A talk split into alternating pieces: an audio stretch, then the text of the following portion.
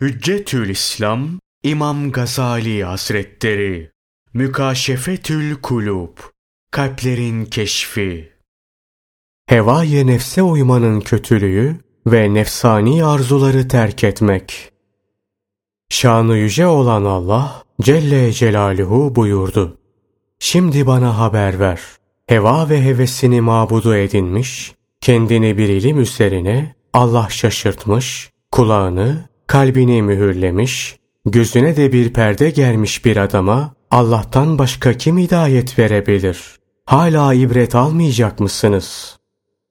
Allah ondan razı olsun. İbni Abbas der ki, ayette mevzu bahis edilen bu kimse Allah Celle Celaluhu'dan hiçbir hidayet ve hiçbir burhan olmadan kendi nefsini din ittihaz eden imansız kişidir. Ayetin tefsiri şöyledir. O hevai nefsine pek itaatlidir.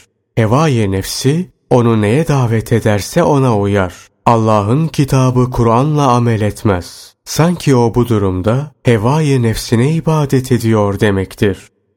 Yine şanı yüce olan Allah Celle Celaluhu buyurdu. Onların heva ve heveslerine uyma. Hükmünde heva, heves ve hissiyatına uyma. Zira bu seni Allah yolundan saptırır. Çünkü Allah yolundan sapanlar hesap gününü unuttuklarından onlara pek çetin bir azap vardır. İşte bunun için Allah Resulü sallallahu aleyhi ve sellem hevayı nefse uymaktan ve cimrilikten Allah'a sığınarak buyurdu ki Allah'ım hevayı nefse uymaktan ve cimrilikten sana sığınırım. Yine Allah'ın Resulü sallallahu aleyhi ve sellem buyurdular ki, Üç şey öldürücüdür, kötü haslettir. 1. Hevayı nefse uymak. 2. Cimrilik. 3. Kişinin kendini beğenmesi. Hevayı nefs, öldürücü ve kötü bir haslettir. Çünkü bütün masiyetler hevayı nefse uymak sebebiyle meydana gelir. Hevayı nefs, kişiyi cehennem ateşine sürükler. Şanı yüce olan Allah Celle Celaluhu muhafaza buyursun.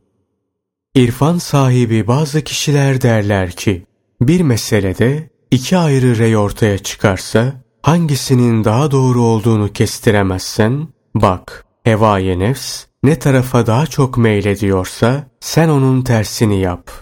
Aynı mevzuda İmam Şafii Hazretleri şöyle der. Eğer iki rey arasında kalır da, hangisinin doğru, hangisinin yanlış olduğunu kestiremezsen, hevayı nefsin meylettiği tarafa muhalefet et. Zira hevayı nefs, insanları daima kötü hasletlere götürür.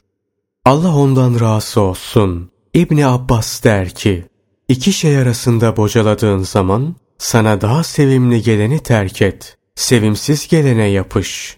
Bu sözün açıklaması şöyledir. Hafiflikten ibaret olan şeyler, nefse kolay gelir, zahmetsiz olur. Bu yüzden nefs onlara daha istekli görünür. Ciddi şeylerse nefse zor gelir, zahmetli olur. Bu yüzden nefs onları yapmakta bir tembellik gösterir. Allah ondan razı olsun. Hazreti Ömer der ki, şu nefsleri susturunuz, gemleyiniz. Zira muhakkak nefsler sizi günaha sürükleyen bir casustur. Şüphesiz bu hak ağırdır, acıdır. Batılsa hafiftir, tatlıdır. Günah işlememek, onu işleyip de sonra tevbe ile sildirmeye çalışmaktan daha iyi ve kolaydır. Çok kere bir bakış şehvet tohumunu saçar. Bir anlık bir zevkse uzun müddet devam eden kederlere sebep olur. Hz. Lokman aleyhisselam oğluna şöyle söyler. Ey oğlum! Seni ilk sakındırdığım şey nefsindir. Çünkü her nefsin bir hevası, bir nefsani isteği vardır. Eğer nefse, nefsani isteğini verirsen azar ve daha başka şeyler ister. Çakmak taşında ateşin gizlenmesi gibi nefsani arzularda kalpte gizlidir. Çakılırsa parlar, kendi haline bırakılırsa gizlenir. Nefs ve nefsani arzular üzerine bazı sözler sen hevaya nefse karşı gelmezsen o seni tutar, harama götürür. Hevaya nefse karşı gelmezsen, o seni öyle şeylere sürükler ki, her birinden ayrı ayrı sorguya çekilirsin. Bil ki, sen hevaya nefsine uyduğun sürece, hakikate ulaşamaz, doğru yolu göremezsin. Eğer bütün güzel hasletlere sahip olmak ve Allah'tan umduğun rahmete kavuşmak istiyorsan, günahkar hevaya nefse karşı gel. Hevaya nefs, en korkunç düşman, en alçak varlıktır. Bütün fitnelerin en büyüğü ondadır. Eğer aklın varsa, hevaya nefsine muhalefet et. Onun arzusunun hilafına itaat et. Aklın kandili, hevaya nefse uymakla körelir. Hevaya nefse karşı gelen aklın kandilinin ise ışığı ziyadeleşir. Bazen zaman cahilleri yüceltir. Bazen de hevaya nefs akıllı kişiyi mahveder. Bazen insanlar bir cömerdi, cömertliği yüzünden methederler. Halbuki o hevaya nefsine uyduğu için hatalar içindedir. Bazen de kişi yaptığı ihsandan dolayı kötülenir. Halbuki o isabetli yoldadır. Allah'ın Resulü sallallahu aleyhi ve sellem buyurdular. Şanı yüce olan Allah Celle Celaluhu aklı yarattı ve ona bana bak diye hitap etti. Akıl baktı. Sonra Allah Celle Celaluhu ona geri dön dedi. Akıl döndü. Allah Celle Celaluhu buyurdu ki, İzzetim ve celalim hakkı için seni bence en sevgili yaratığa koyacağım. Sonra ahmaklığı yarattı. Ona bana bak dedi. O baktı. Sonra Allah Celle Celaluhu dön buyurdu. Ahmaklık döndü. Allah Celle Celaluhu ona şöyle dedi. İzzetim ve celalim hakkı için seni yaratıklarımdan en çok öfkelendiğime koyacağım. Şu sözü söyleyenin ameli Allah için olsun. Her hususta aklıyla hareket edenin fikri muhakkak doğru olanla karşılaşır. Ne zaman hevaya nefse uyulursa muhakkak o kişiyi kötü akıbetlere ve azaplara sürükler. Haz duymak ve muradına ermek istersen nefsani arzulara itaat eden nefse yardımcı olma. Onun istediği nefsani arzulara muhalefet et. Nefsani arzularının esiri olan kişilerle beraber olmaktan da sakın.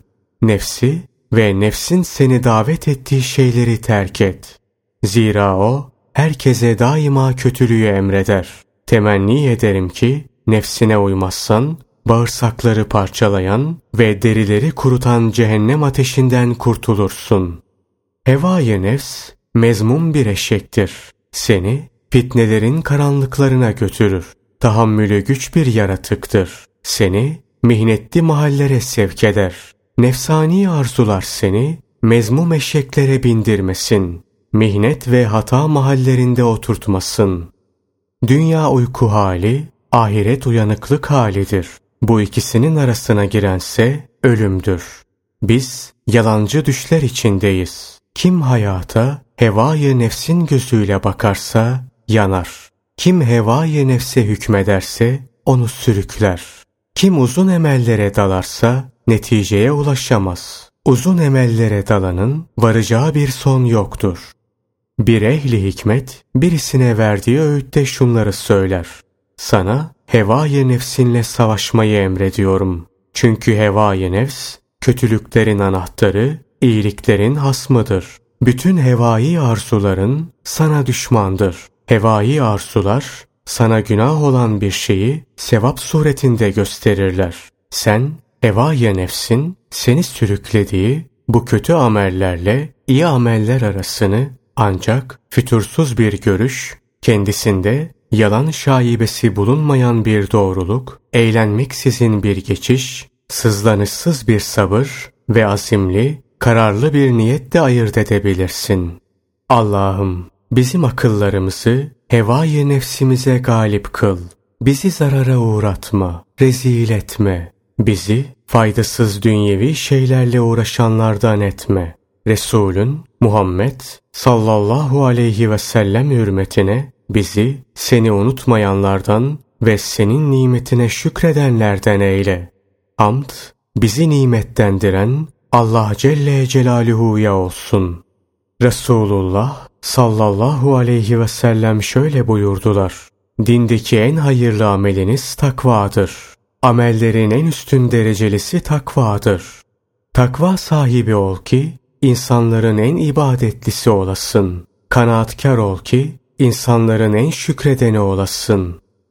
Kim ki tenhalarda Allah Celle Celaluhu'ya isyan etmekten kendisini koruyacak takvaya sahip değilse Allah Celle Celaluhu onun ilmine değer vermez.